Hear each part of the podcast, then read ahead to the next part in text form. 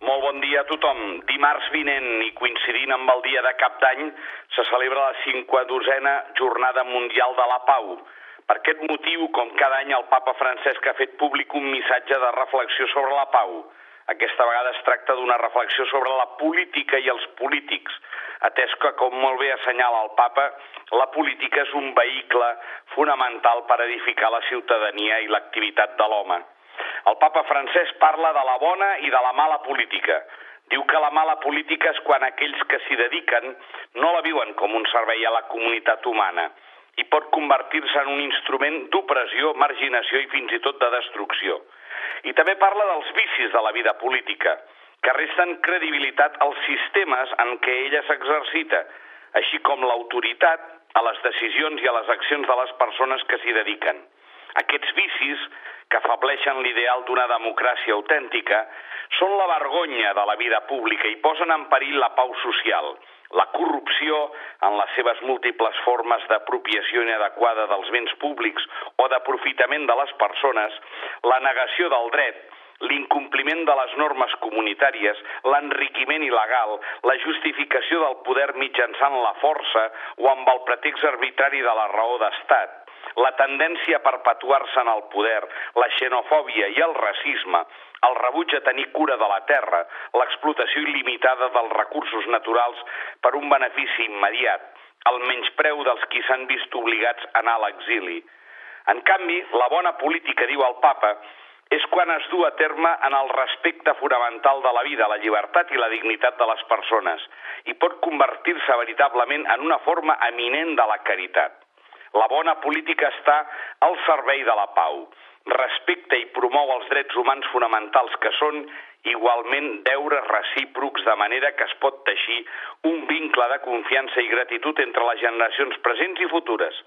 I la bona política afavoreix la pau si es realitza, per tant, reconeixent els carismes i les capacitats de cada persona.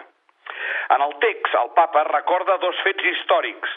En primer lloc, els 100 anys després del final de la Primera Guerra Mundial i amb el record dels joves caiguts durant aquells combats i les poblacions civils devastades. Coneixem millor que mai el terrible ensenyament de les guerres fratricides, és a dir, que la pau mai no pot reduir-se al simple equilibri de la força i la por.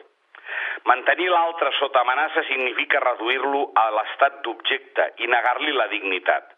És la raó per la qual reafirmem que l'escalada de la intimidació, així com la proliferació incontrolada de les armes, són contràries a la moral i a la recerca d'una veritable concòrdia. El terror exercit sobre les persones més vulnerables contribueix a l'exili de poblacions senceres a la recerca d'una terra de pau, no són acceptables els discursos polítics que tendeixen a culpabilitzar els migrants de tots els mals i a privar els pobres de l'esperança. En canvi, cal subratllar que la pau es basa en el respecte de cada persona, independentment de la seva història, en el respecte del dret i del bé comú, de la creació que ens ha estat confiada i de la riquesa moral transmesa per les generacions passades.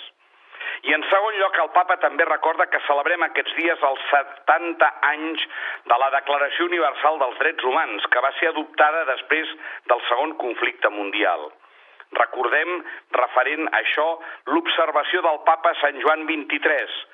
Quan en un home sorgeix la consciència dels propis drets, cal que flori també la de les pròpies obligacions, de manera que aquell qui posseix determinats drets té així mateix, com a expressió de la seva dignitat, l'obligació d'exigir-los, mentre que els altres tenen el deure de reconèixer-los i respectar-los. Per acabar, en el text el papa francès recorda les benaurances del polític proposades pel cardenal vietnamita François Xavier Van Tuan, mort l'any 2002, i que fou un fidel testimoni de l'Evangeli. Ell deia, Feliç el polític que té una alta consideració i una profunda consciència del seu paper. Feliç el polític que irradia credibilitat. Feliç el polític que treballa pel bé comú i no pas pel seu propi interès. Feliç el polític que es manté fidelment coherent. Feliç el polític que treballa per la unitat. Feliç el polític que està compromès en dur a terme un canvi radical. Feliç el polític que sap escoltar. Feliç el polític que no té por. Molt bon diumenge a tothom i bon cap d'any.